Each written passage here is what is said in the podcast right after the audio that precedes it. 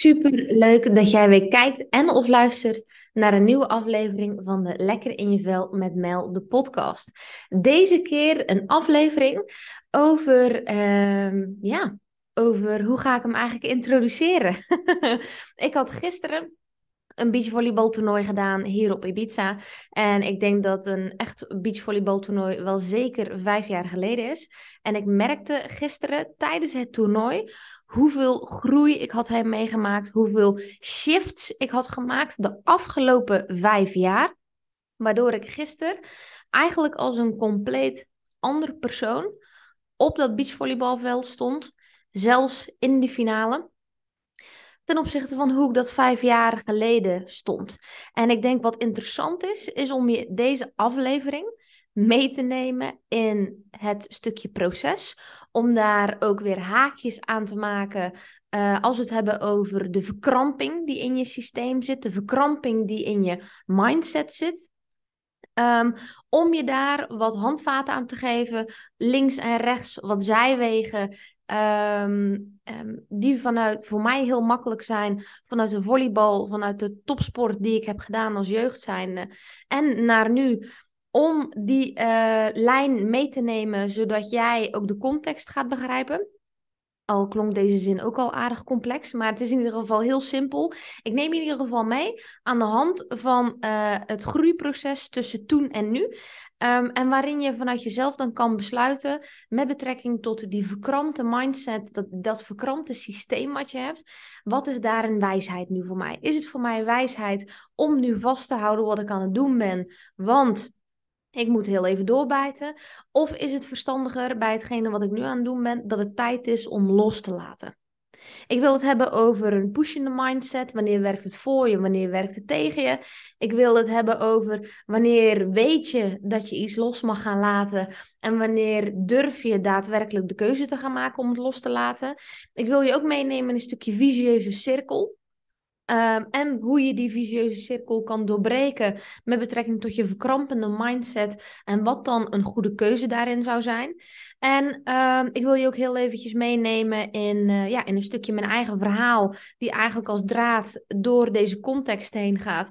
En een stukje over je voedingsbodem. Dus ik denk dat we uiteindelijk nu wel op een titel komen. Uh, omdat ik in mijn voorbereiding er niet echt aan uitkwam van hey, wat gaat de angle worden, hoe ik deze kan invliegen. Dat ik nou dus merk door gewoon mijn energy in motion te zetten, expressie gewoon naar buiten te brengen, via mijn hart, keel naar de mond en zo eruit. Dat ik nou wel op een titel kom en dat is een verkrampte mindset. Hoe ga je daar nu eigenlijk mee om? dus daar gaan we het over hebben vandaag tijdens deze aflevering. En uh, ja, ik zou zeggen, pak een pen en papier erbij. Schrijf vooral door mee. Zet hem heel even op pauze, zodat je dat kan doen. En uh, let's go, zou ik zeggen. En ik wil je heel even meenemen in mijn, uh, in mijn verhaal met betrekking tot de volleybal. Zodat je een klein beetje context hebt. Maar ook dat je begrijpt wat die shift nu eigenlijk is geweest. Tussen, uh, ja, tussen op een gegeven moment in de topsport tot aan mijn 25ste. En vanuit daar vijf jaar letterlijk beachvolleybal losgelaten te hebben. Of volleybal in zijn algemeenheid losgelaten te hebben. En wat ik daar dus nu achter kwam gisteren tijdens het beachvolleybaltoernooi hier op Ibiza. 2 tegen 2. Mijn, favoriete, uh, mijn favorietje. Zaterdag was ook 3 tegen 3. Maar ik dacht, laat ik verstandig zijn en voor één toernooi gaan. In plaats van voor twee toernooien. Zeker aangezien ik al vijf jaar niet gebeachvolleybald heb. Maar ook um, de eerste trainingen ik eigenlijk vier weken geleden voor het eerst weer heb opgepakt. Daarin ook nog twee weken niet heb gebeached doordat ik in Nederland was. En dat uh, ik ook nog een week niet fit was. Dus eigenlijk praktisch onvoorbereid uh, dat toernooi in ben gegaan. Noem dat uh, onverstandig.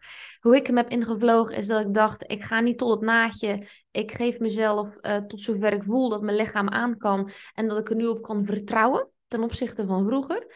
Dat ik er nu op kan vertrouwen dat ik zal luisteren naar mijn lichaam. En ik denk dat dat eigenlijk al de eerste shift is die ik heb gemaakt ten opzichte van vroeger. Ten opzichte van uh, toen ik nog volleybalde. Uh, dat in die vijf jaar ik e-, echt heb mogen leren te luisteren naar mijn lichaam. Volleybal is daarin niet het thema geweest uh, wat me heeft laten dwingen naar het luisteren naar mijn lichaam. Maar volleybal is daarin wel een hele belangrijke rode draad geweest. Uh, met heel veel blessures, eigenwijs willen zijn, door willen gaan, want die wedstrijd die komt eraan. Ik moet presteren, ik moet daar staan, waardoor ik gewoon simpelweg niet luister naar mijn lichaam. Vanuit die pushende mindset, die in dit geval dus op een gegeven moment in mijn uh, volleybalcarrière eigenlijk tegen me ging staan. Terwijl die in het begin van mijn volleybalcarrière juist voor me werkte en me juist het vuurtje ging aanbranden, die me juist de honger gaf van yes, let's go, net even dat tandje harder. En op een gegeven moment dat kantelpunt kwam, uh, waarin het dus niet meer voor me ging werken, maar dat het dus eigenlijk tegen me ging werken. En dat dat dus um, uiteindelijk ook bij jou kan zijn. Dat dus die pushende mindset die je hebt, noem het goed kunnen presteren onder druk, kan, je, kan ook voor je resoneren. Uh, het kan ook zijn dat het je resoneert voor je, dat als je jezelf in het diepe gooit, dat je op die manier er ook weer aan uitkomt. Uh, maar ik noem het heel even de pushende mindset die voor mij ervoor zorgde dat ik uh, op een gegeven moment uh, het leuk vond om binnen de volleybal bepaalde nieuwe technieken te leren. Ik had ook een trainer uh, waar ik goed mee op kon schieten vanuit daar ook veel meer uren ben gaan maken. Ik zag daarin mijn eigen potentie, maar die trainer zag vooral ook potentie in mij. En doordat hij heel veel potentie in mij zag en we dus meer uren zijn gaan trainen, ik ook terecht kwam in werelden waarvan ik niet eens wist dat ze bestonden, zoals regionale selecties, maar ook de Nederlandse volleybalschool. En hij dus eigenlijk mij daarin uh, ja, de grootste um, hoeksteen is geweest. In eigenlijk het dus ja, semi-professional aanvliegen van, van de volleybal. En dat uh, ik zowel heel erg leergierig was van mezelf, heel erg presterend was vanuit mezelf van hey, kom op. Uh, maar dat hij daar zeker ook een factor in had. En dat hij ook niet uh, mild was in mij complimentjes geven, maar dat het altijd beter kon. En ik denk dat als je al zelf heel erg pushend bent en dat je dan ook nog eens een trainer hebt die daarin ook heel erg pushend is en het is eigenlijk nooit goed genoeg, um, dat het dan heel erg uitdagend is. Uh, ik denk op elke leeftijd, maar ook zeker als je jong bent, 13, 14 jaar, je wilt wat en um, volleybal is je leven. Dat de volleybal door je aderen stroomt. Um, dat het zeker wel een factor is die heel erg belangrijk is geweest voor uiteindelijk het ook zelf niet kunnen reguleren van mijn eigen emoties, het niet kunnen reguleren van mijn gedachten. En dat dus die presterende mindset die in het begin me heel erg hielp, uh, op een gegeven moment dus tegen mij ging werken. Wanneer was dat moment dat het dus eigenlijk tegen mij ging werken? Is, uh, er was nog een moment dat ik selectie moest doen voor de Nederlandse volleybalschool. Ik zat daarbij elk jaar opnieuw moet je een nieuwe selectie doen. Zo kunnen er nieuwe mensen bij komen, zo kunnen er oude mensen weer afvallen, om ergens het een klein beetje zuiver tussen aanhalingstekens te houden. Want achteraf kwam ik er ook achter dat niet alleen binnen de volleybal, maar eigenlijk gewoon in het hele leven bij heel veel facetten, um, vriendjespolitiek ook altijd meespeelt. En dat was natuurlijk ook gewoon niet anders in, uh, in de volleybalscene in de Nederlandse volleybalschool. Ik had op die selectiedag supergoed gepresteerd. Ik had zelfs eigenlijk door die push in the mindset eigenlijk, uh, uh, hoe noem je dat? Een performance weggezet. Waarvan ik eigenlijk bij mezelf al dacht van holy fuck, was ik dit? Alsof ik eigenlijk uit mijn, uit mijn eigen skills was getreden. En eigenlijk een super versie van mezelf heb laten zien op dat moment. Omdat ik zo in flow zat. Alles ging goed.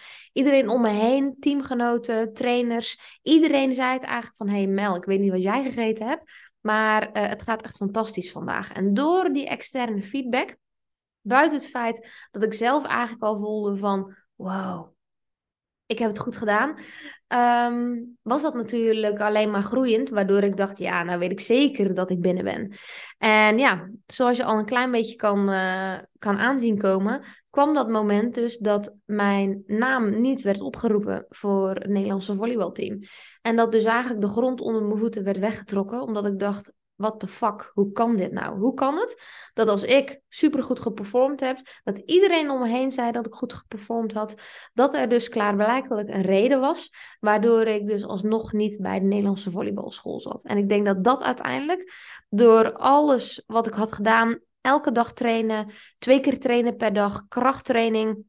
Uh, anderhalf uur in de auto zitten naar Roosendaal vanuit Sasvagent om nog extra trainingsuren te maken. Uh, mijn ouders die daarin ook al uh, tijd en energie hadden gestopt. En ook geld voor de benzine die daarbij komt kijken. Uh, en dat het gewoon voelt van, hé, hey, ik heb duizend procent gegeven en het was niet goed genoeg. En in mijn geval door mijn eigen push in de mindset, dat is denk ik de eerste echte grote knauw in mijn vertrouwen in mezelf. En nu achteraf gezegd, kan ik nu pas zeggen hoe slecht mijn systeem eigenlijk ging op afwijzing. Het afgewezen worden terwijl je op je top van je kunnen zit, dat was voor mij echt een ontzettende deuk in mijn systeem. En ik denk dat dat eigenlijk ervoor gezorgd heeft dat dat voor mij uh, vanuit die pushende mindset, die me eigenlijk alleen maar tot presteren bracht. Um, dat daarin eigenlijk het begin is gemaakt, waardoor in plaats van dat het voor me werkte en dat ik daardoor beter ging presteren, dat het tegen me ging werken en dat ik daardoor steeds slechter ging presteren. Leuke was, fast forward naar nu, naar dit toernooi, alle persoonlijke groei die ik heb meegemaakt, alle coaching die ik heb gedaan, Um, alles, al het lichaamswerk wat ik heb gedaan, om er nu tijdens dit toernooi achter te komen, als we het hebben over die pushende mindset, dat ik er eigenlijk met een hele relaxte mentaliteit in ging. Ik ging met een klein beetje spanning, ging ik daar naartoe, uh, al, ik denk een stukje herbeleving of zo, wedstrijdspanning. En dat ik vanuit daar eigenlijk op het moment dat ik die bal raakte, was die spanning weg, net zoals van oudsher, zoals dat vroeger ook was. En zat ik helemaal lekker in het moment en kon ik gewoon, in plaats van vanuit die presterende mindset die niet meer voor me werkte, eigenlijk focussen van, hey, nou, dit gaat goed. Um, dit gaat minder goed. Kijken of ik dat kan veranderen. Dus dat die presterende mindset eigenlijk een soort van, ja, ik zeg maar even liefdevol jasje uh, gekregen heeft. Waardoor ik ging focussen ook op het proces. Oh, mijn aanval die gaat wat minder goed, mijn service gaat goed. Hoe kan ik de volgende keer die aanval net wat beter? En dat ik eigenlijk along the way ging fine-tunen in het proces, in dat hele toernooi. Dit kan beter, dan ga ik iets hogere bal pakken. Dit kan beter, dan ga ik ietsjes meer op mijn voorvoeten staan. En door die ervaring, die ik eigenlijk al had vanaf mijn zes jaar tot mijn 25ste, uh, eh, dat speelt natuurlijk mee, hè. Ik bedoel, eh, alsof het met de paplepel is in... Uh, ingegoten. Dat als je een tijdje niet gefietst hebt, je stapt weer op de fiets en je bent zo weer weg. Uh, dus laten we dat wel heel even voorop stellen dat dat wel, uh, dat dat wel de case is. Maar dat echt de shift gemaakt te kunnen hebben van vroeger. Die pushende mindset die eigenlijk op een gegeven moment tegen me ging werken omdat ik um, zo erg afgewezen was. En daarin mezelf eigenlijk alleen maar nog meer aan zelfkastijding deed. Uh, nog meer mezelf proberen er doorheen te pushen. Kom op, Mel. Uh, allemaal negatieve gedachtegangen van het gaat je niet lukken. En dat je probeert dat om te buigen met je hoofd van heb je vertrouwen in jezelf. Maar dat je eigenlijk in je hele lijf voelt het zit er niet. Omdat in die basis daar gewoon iets eigenlijk in is afgebroken. Uh, en dat dat nu helemaal weg was. Het was gewoon helemaal weg. En dat eigenlijk al, of ik nou dat toernooi had gewonnen of niet, is eigenlijk gewoon maar een, een kers op de taart van gisteren.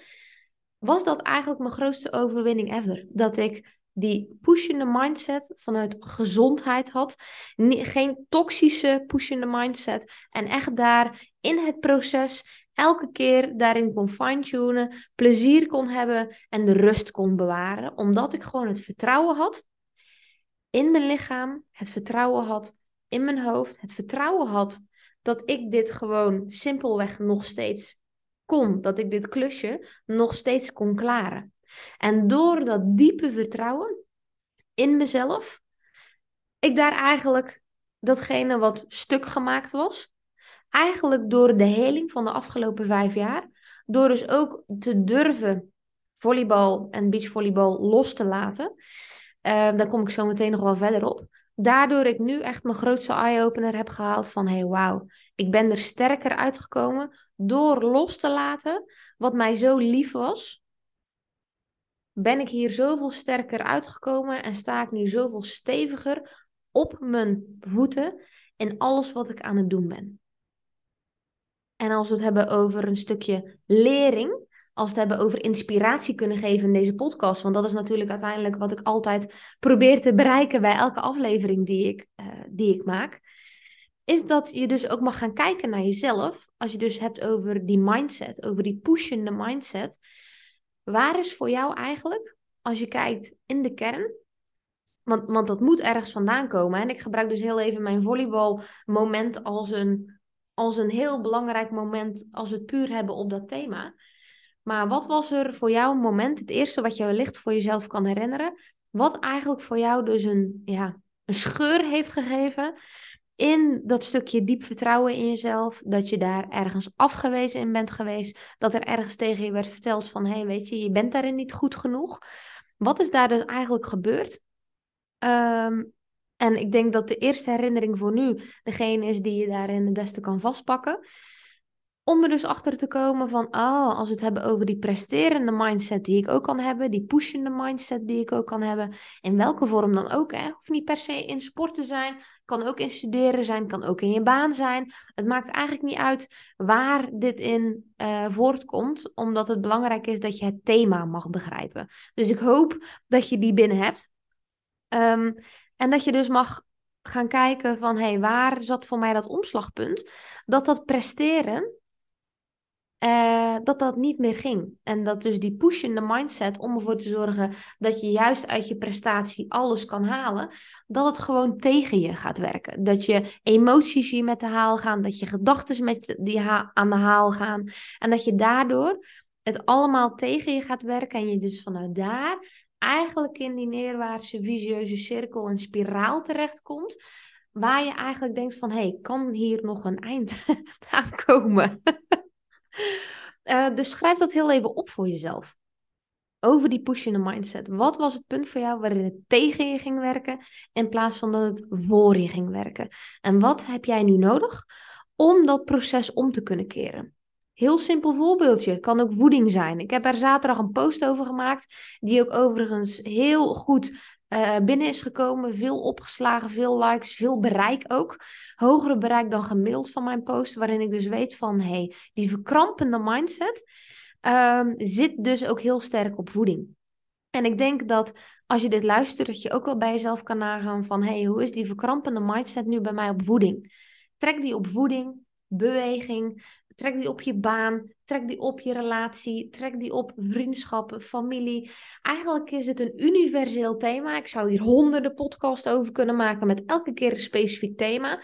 Maar uiteindelijk gaat het in dat grotere plaatje om dat thema van hey, waar zit die verkramping in jouw mindset op welk thema? Welk thema, als ik nu zo verschillende voorbeelden heb gegeven, welk thema is er nu eigenlijk bij jou waarin je denkt, oeh, uh, daar staat mijn focus te hard op. Als ik daaraan denk, dan gaat er druk op staan. En niet de druk waar ik van ga presteren, maar de druk waarvan ik uh, in de verkeerde prestatiemodus ga en eigenlijk in die visieuze cirkel beland. En ja, neem daar een momentje voor voor jezelf. Um, want daar ga je heel veel antwoorden uit krijgen. Heel veel antwoorden in beweging die je nu kan vinden. Om zo ervoor te zorgen om vanuit die verkramping te kunnen komen. Om naar die ontspanning te kunnen komen. En wat voor mij daarin eigenlijk heel belangrijk was. Was dat uh, het loslaten. Het loslaten van volleybal. Indoor, beach. Dat los te laten. Um, dat was voor mij echt een game changer geweest. Ik vond het mega spannend. Ik wist het eigenlijk al een paar jaar. Een paar jaar werkte het al niet voor me, maar een paar jaar werd ik eigenlijk door mijn ego geleid. Ik had binnen de volleybal een, uh, een positie um, indoor dan, hè? dus in de zaal, niet bij beachvolleyballen, maar indoor in de zaal had ik een specifiekere positie, spelverdeler. Um, waar er sowieso, ja, denk ik net zoals Libro's over het algemeen, eh, dat zijn verdedigers in een ander kleur jasje, voor degenen die dat niet weten uh, wat meer chronisch tekort aan is. En zeker aan spelverdelers die ervaring hebben en die een bepaalde stijl hebben. Nou, ik had een bepaalde ervaring en een bepaalde stijl. Uh, ook met betrekking tot het aanwezig zijn in een wedstrijd. En ja, dat trok veel volleybaltrainers. Um, waardoor ik eigenlijk het besluit wat ik elke keer opnieuw had gemaakt, eigenlijk door mijn eigen ego Um, doordat hij gestreeld werd, doordat ik weer werd opgebeld door een trainer. Hey, wil je bij ons komen spelen? En het gebeurde eigenlijk een paar seizoenen achter elkaar. Ehm, waar ik nu ook achteraf van kan zien van... Hey, het is, je zou het kunnen zien als uh, het universum die je een test geeft van... Hey Melanie, is dit nog wel wat je wilt? En dat ik daarin niet kon luisteren en mijn ego eigenlijk met me aan de haal ging. en dan vervolgens afspraken maakte. Het allemaal er heel rooskleurig uitzag op papier. We gingen aan de slag en vervolgens was het gewoon één groot shit seizoen.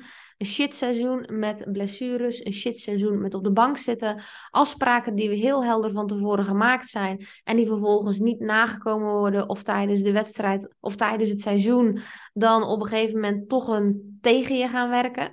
Um, en dat, um, ja, dat was gewoon shit. Ik wilde gewoon lekker spelen, wedstrijden spelen. Trainen had ik op een gegeven moment wel gezien. Wedstrijden vond ik super leuk om te doen. Uh, dus let's go. Maar dat dat um, elke keer, ik eigenlijk elke keer met een teleurstelling thuis kwam. Eigenlijk, ik heb daarin, waarin je het kan vergelijken, denk ik. Ik heb zelf eigenlijk nooit drugs gebruikt. Um, maar waar ik het denk ik het beste mee kan vergelijken is op het moment dat je drugs gebruikt, dat je op een gegeven moment in een bepaalde high zit en dat je um, vaker die high wilt. En dat op het moment dat je die dus niet krijgt, dat je dus maar meer drugs gaat gebruiken om die high te krijgen. En op een gegeven moment alleen maar teleurgesteld bent omdat je niet krijgt of meer nodig hebt om te krijgen wat je graag zou willen. En zo werkte op een gegeven moment volleybal voor mij en was het op een gegeven moment een beetje toxisch aan het worden. Simpelweg terug naar het begin. Vanuit die pushende mindset. Een scheur in een van mijn diepste fundamenten. Het goed genoeg zijn. Op mijn hoogste performance kunnen zijn. En daarin gewoon vol afgewezen te worden. En mijn systeem super slecht gaat op afwijzing. En dat dat daar eigenlijk gewoon allemaal uiteindelijk compensatiegedrag uit voortkwam. Um, waardoor ik gewoon nog een paar jaar lang vastgehouden heb aan iets wat eigenlijk heel toxisch is, wat me geen plezier gaf. En ik hard bleef werken, maar het harde werken me geen beloning gaf.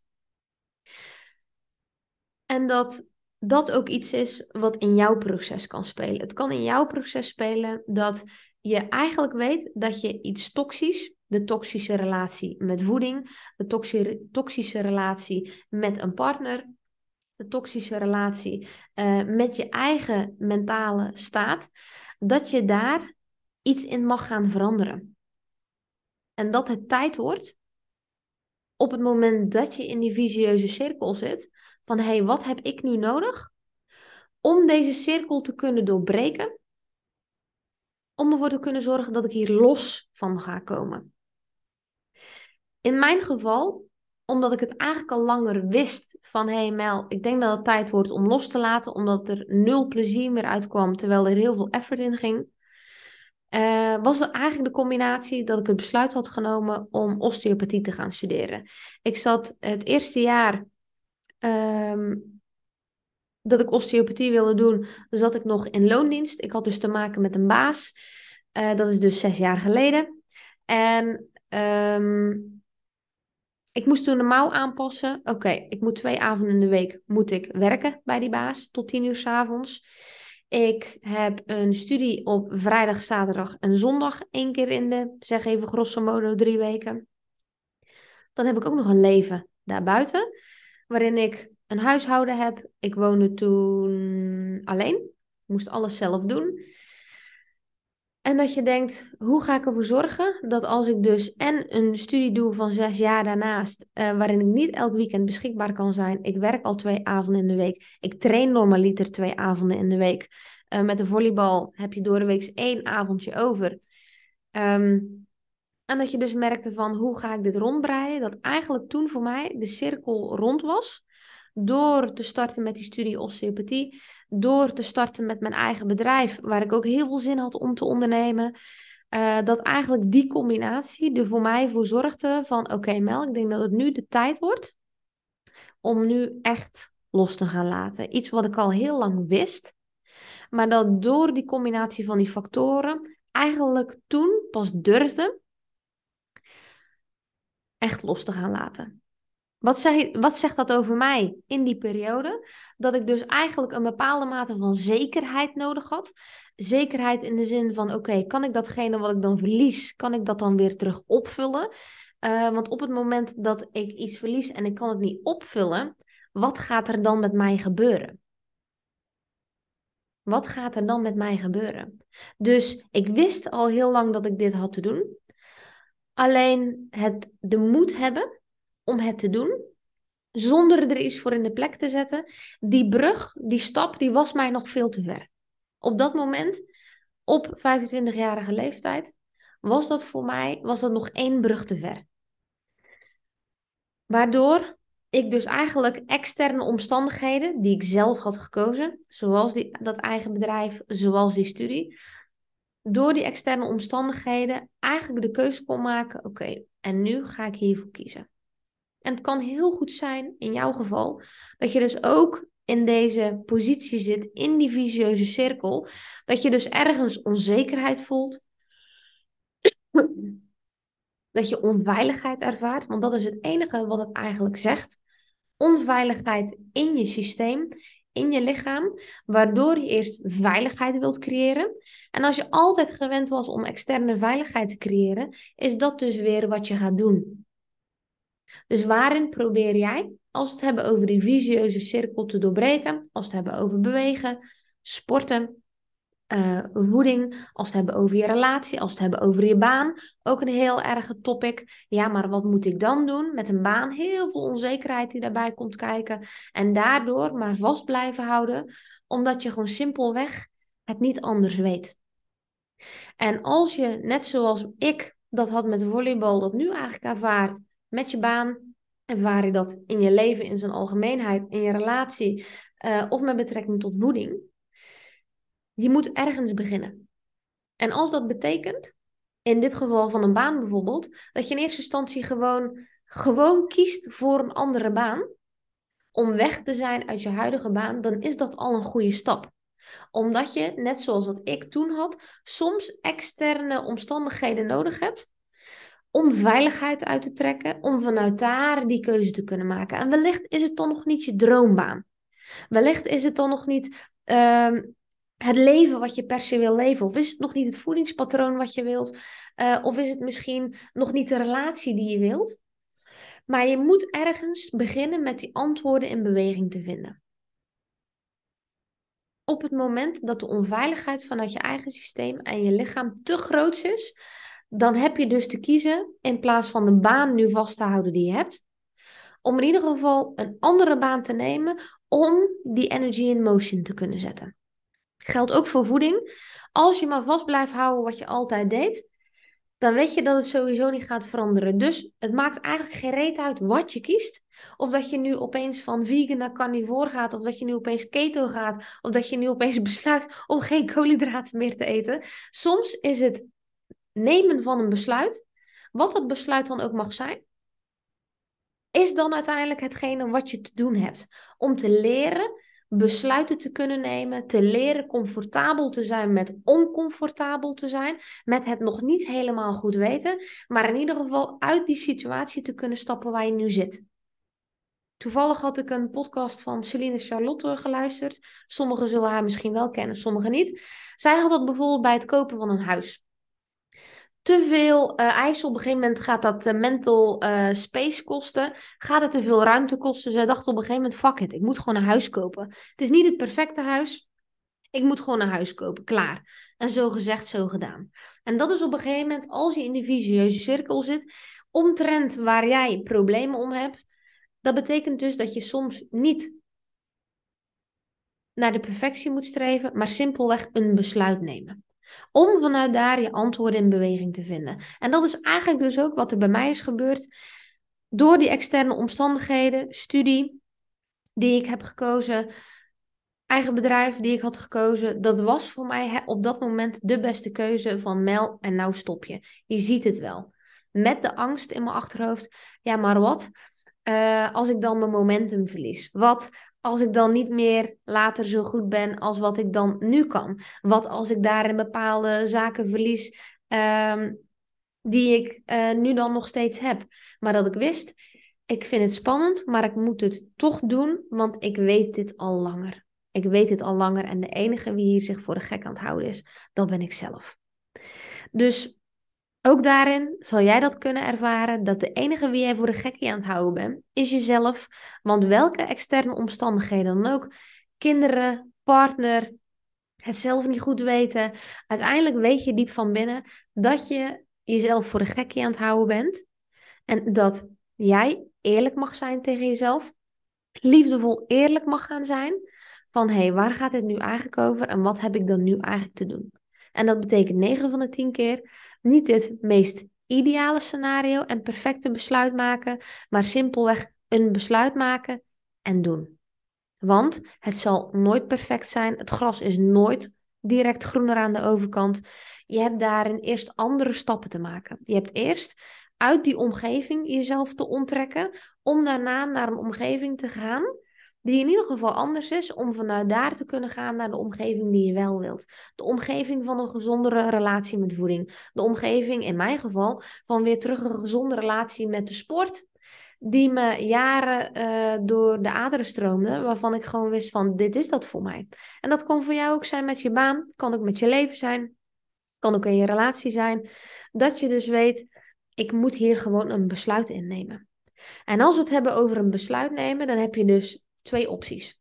Of je laat het los, of als je het vasthoudt, dat je met duizend procent er tegenaan gaat. En eigenlijk zit er niets tussen. Want op het moment dat, net zoals wat ik eigenlijk met de volleybal had gedaan, dat je maar halve bak eigenlijk door blijft gaan omdat je in je ego gestreeld wordt.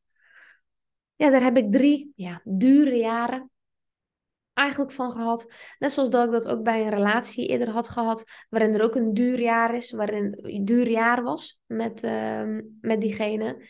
Omdat ik gewoon niet de moed had om al een eerder besluit te maken. En je dus daardoor heel veel leed creëert. Leed bij jezelf en leed bij de ander. En dat ik dus ook deze lessen weer te leren had. Om dus één, sneller dat besluit te nemen. Want je weet het nooit duizend procent zeker. Er zijn geen zekerheden in het leven. Ehm, en dat op het moment dat je ervoor kiest om het niet los te laten, dat je er dan wel voor kiest om het met duizend procent vast te houden. Dat je er dan duizend procent voor gaat. Je blijft in die baan en je gaat duizend procent voor je baan. Je blijft in deze relatie en je gaat duizend procent voor die relatie. In mijn geval met volleybal, oké, ik hou het vast. Ik ga er duizend procent voor. En als je er dan achter komt dat het niet is, dan weet je dat het dus de tijd is om dus los te gaan laten. En dat kan je helpen. Ik was ondertussen even een slokje thee aan nemen. Ehm, dat kan je dus helpen om dat besluit te nemen als jij dus in die visieuze cirkel zit. Dat je bewust die keuze maakt. Ga ik vasthouden? Ga ik loslaten? En als je vasthoudt, dan duizend procent alles geven. Voor zeker drie maanden. En als je besluit los te laten, laat dan ook goed los en ga er niet meer aan terug beginnen. En zo geschiedde, zo gedaan eigenlijk bij mij in mijn proces, dat ik dus vijf jaar geen volleybal heb aangeraakt. Um, ik denk dat ik nog één keer voor de lol een 3 tegen 3 toernooitje heb gedaan bij mijn oude club bij de beachvolleybal. Um, vier jaar geleden denk ik, omdat ik het wel lachen vond om met die meiden te spelen van toen. Uh, maar voor de rest heb ik eigenlijk geen bal meer aangeraakt. En eigenlijk toen ik in afgelopen mei studeerde als osteopaat, ontstond er weer ruimte. Die ruimte die ervaar ik eigenlijk pas sinds een maandje, laat ik het zo zeggen. Dus we zijn eigenlijk een half jaar verder, waarin ik nu erachter kom van, oh, er is nu structureel weer ruimte. Die studie die is klaar. Uh, we zitten in oktober, waarin november, waarin die studie eigenlijk al lang weer begonnen moest zijn. En nu hoef ik niets meer te doen. Het is klaar. En doordat er ruimte is ontstaan, doordat ik geen extra bal meer omhoog hoef te houden, is er gewoon zoveel ruimte ontstaan, creativiteit ontstaan, flow ontstaan. Ik heb zin om te ondernemen. Ik heb zin om weer te sporten. Ik heb zin om weer een spelletje te spelen. En dat de grap dus eigenlijk was dat um, ik geen beachvolleybal hier kon vinden op het eiland. Um, en dat ik nog tegen Marvin zei toen we koffie gingen drinken en we gingen wandelend naar eh, de koffietent toe. Van, oh, weet je, ik zou, als ik hier beachvolleybal zou kunnen vinden, dan zou ik dat echt heel graag willen doen. Maar ik heb het niet kunnen vinden. Ik heb online ook via Facebook groepen erop gegooid. Niemand die reageerde. Uh, hier in Spanje werkt dat toch anders. Maar ik had een heel diep verlangen. Oh, als ik weer terug zou kunnen volleyballen, dan zou dat echt chill zijn. Ik zei second best is padel. Dus ik dacht, ik ga eens langzaamaan wat oriënteren met padel, uh, wat er in de opties zijn. En vervolgens, door dat diepe verlangen, en waarin die scheur uh, toch weer geheeld was, dat ik erachter kwam, twee dagen later, tijdens het wandelen, ik wandel eigenlijk elke dag, uh, en dat ik voelde van, oh, ik ga eens een ander rondje wandelen. Ander rondje dan wat ik normaal doe. Ik heb dat rondje daarna ook denk ik nooit meer gelopen. na dat ene moment. Uh, maar dat ik er dus achter kwam. Door een ander rondje te lopen. Dat ik opeens op het strand in Santa Eularia beachvolleybalvelden zag. Met gele netbanden, professioneler. En dat ik dacht, zie ik dat nou goed? En je kan het wel hebben, zo'n momentje zo van links, rechts kijken, naar voren. Huh, huh. Huh, zie ik het nou wel goed? ja, ik zie het goed. Beachvolleybal, let's go. Dus ik daar naartoe gewandeld. En heb ik er heel even naar staan kijken. En dacht ik, oh ja, buiten het feit dat ik nu beachvolleybal heb gevonden, is het ook nog eens het niveau waar ik blij van word. Want ja, ik denk, als we het hebben over onkruid vergaat niet, door de presterende mindset, door het fanatisme wat ik heb, doordat je ook bepaald niveau gewend bent met bepaalde afspraken en regels en hoe je speelt, um, dat dat voor mij wel een dealbreaker is groot gezegd, maar nice to have. Nice to have om een bepaald niveau te kunnen uh, daar te zien en dus daaraan mee te kunnen doen. En dat was er dus. Het was en beachvolleybal en een bepaald niveau. En dat is mijn diepste verlangen, die ik dus eigenlijk twee dagen eerder had uitgesproken. Noem dat toeval, noem dat de law of attraction. Dat dat daar opeens voor mijn neus was. En ik was super gelukkig. Ik bleef heel even kijken. Uh, een van die gasten die sprak mij aan. Ik heb mijn nummer gegeven, hij heeft me in die groepsapp gezet. We hebben al even een kort een praatje gemaakt. Hij zei in eerste instantie, wil je meedoen? Ik had geen goede kleding aan, ik had een spijkerbroek aan geloof ik. En ik zeg, nee, kan niet, ik heb geen kleding bij, maar ik heb zeker zin om een nieuw potje mee te spelen. En vanuit daar ben ik dus in die groepsapp gezet. En uh, is dus vier weken geleden mijn eerste ja, vrij spelen momentje geweest. Uh, en heb ik daarna nog één keer vrij gespeeld. En ja, zoals ik al eerder zei, twee weken ertussenuit. Vorige week heb ik één proeftraining meegedaan. En dus afgelopen zondag dat toernooi. En waarin ik dus nu voel van, oh wauw, wauw, wauw. Ik ben hier zo blij mee. Ik weet nog heel goed, toen ik dat had gevonden, dat ik op de terugweg, al wandelend, aan het uh, onderhands aan het spelen was, aan het serveren was, aan het aanvallen was in de lucht. Call me crazy. Maar ik uh, was helemaal in extase. Um, omdat dat diepste verlangen dus uiteindelijk daar toch was. Door de ruimte die ontstaan was. Dus soms is loslaten, uh, in mijn geval, in dit thema, zorgt ervoor um, dat door er ruimte te geven, door eigenlijk terug te gaan naar de essentie, zonder de emoties van toen, zonder de pijn van toen, van afgewezen te worden, zonder de angst om goed genoeg te zijn, zonder de kramp dat dat verlangen dus terugkwam omdat het at the end om dat spelletje ging. Terug in de basic, waarin ik eigenlijk was begonnen met volleyballen. En dat dat dus hetgene was waar ik zo verliefd op was. En dat dat dus terugkwam. En dat ik dus ook in het toernooi voelde, in het diepste vertrouwen, ook al maakte ik een foutje, ook al ging niet alles perfect, echt ver van niet. Uh, want op jezelf ben je natuurlijk altijd kritischer. En ik zag erin altijd weer verbeterpunten, ook afgelopen zondag in het toernooi.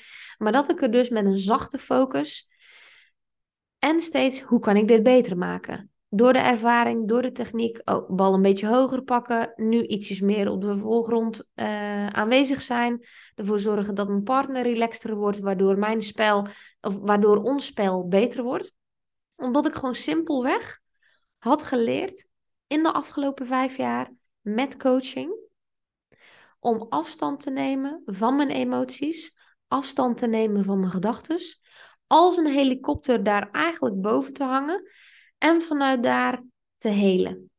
Met lichaamswerk zoals yin yoga, met wandelen, met schrijven voor mezelf, uh, hint, hint, dit zijn ook allemaal tips voor jou. Uh, op dit moment, als jij denkt van hé, hey, ik zit nog in die kramp, ik zit nog in die pijn, ik zit nog in die angsten. Dat je je lichaam mee te nemen hebt, uit die onveiligheid te trekken in de veiligheid. En hoe kan je je lichaam die veiligheid geven? Door eerst ruimte te geven aan jezelf, aan je emoties en aan die pijn, aan die angst, aan die kramp. Begrijpen waarom dat nu eigenlijk is wat het is. En dan te helen door te ontladen. Ontladen door te huilen, ontladen door te schrijven, ontladen door te wandelen. Door jezelf de ruimte te geven, ook die ruimte te creëren. In mijn geval dus loslaten van volleyballen, waardoor ik ruimte had gecreëerd om daar dus onder andere ook een stukje heling in te kunnen krijgen. Want zeker die hoeksteen, mijn eerste trainer, maar ook zeker de Nederlandse volleybalschool, hebben daar echt wel als een uh, grote haak in mijn levensverhaal echt wel ervoor gezorgd voor een, uh, voor een dikke scheur.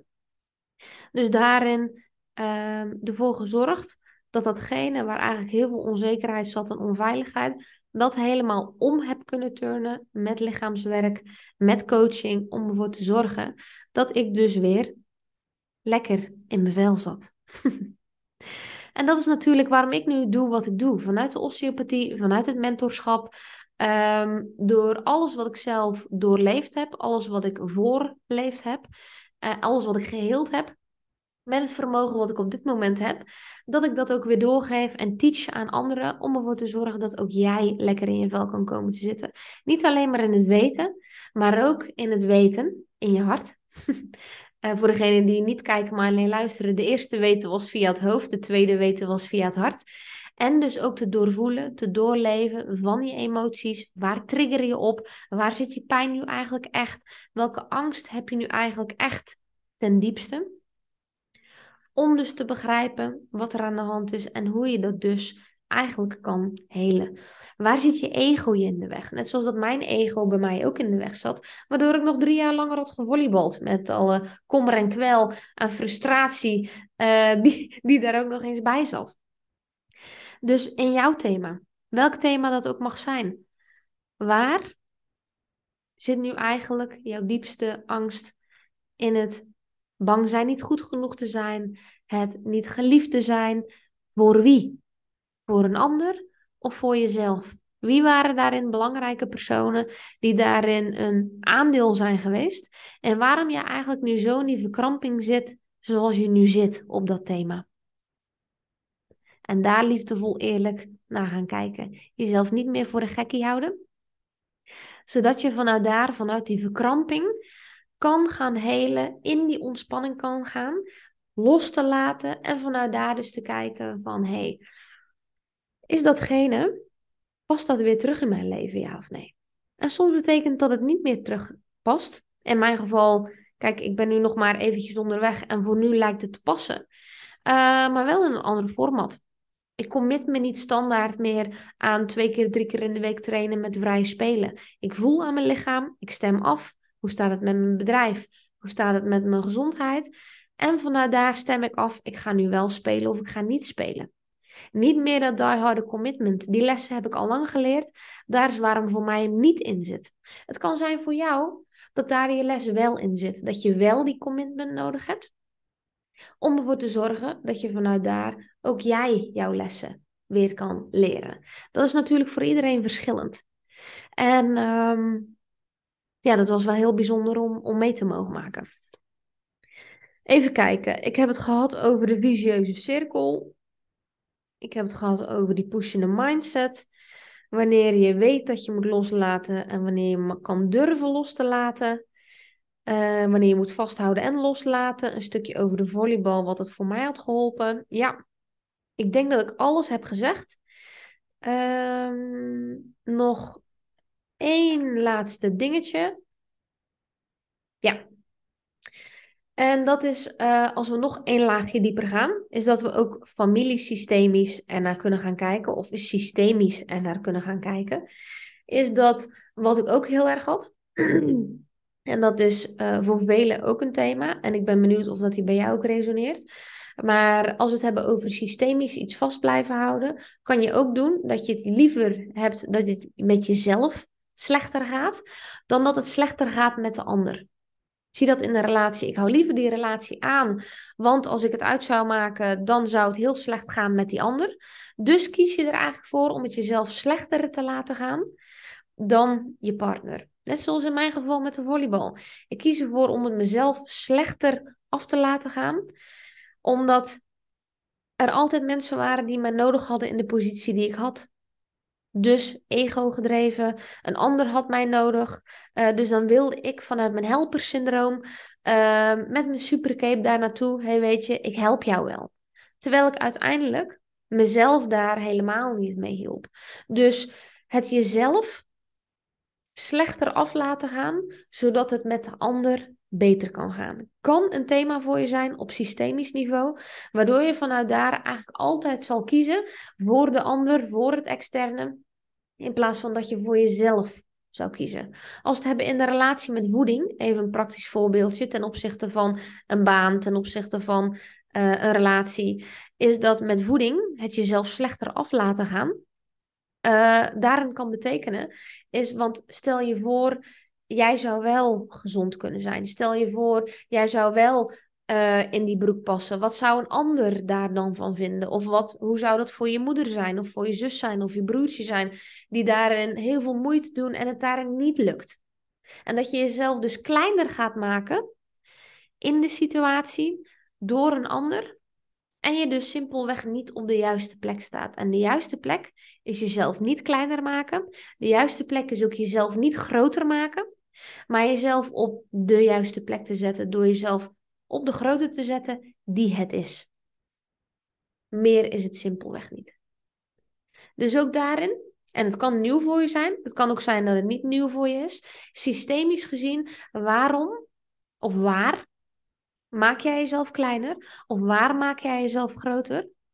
Dan daadwerkelijk op de juiste plek die je daarin mag staan. Een hele mooie shift die je kan maken als je al bewust bent van je patronen, uh, die ik je daarin nog graag mee wil geven.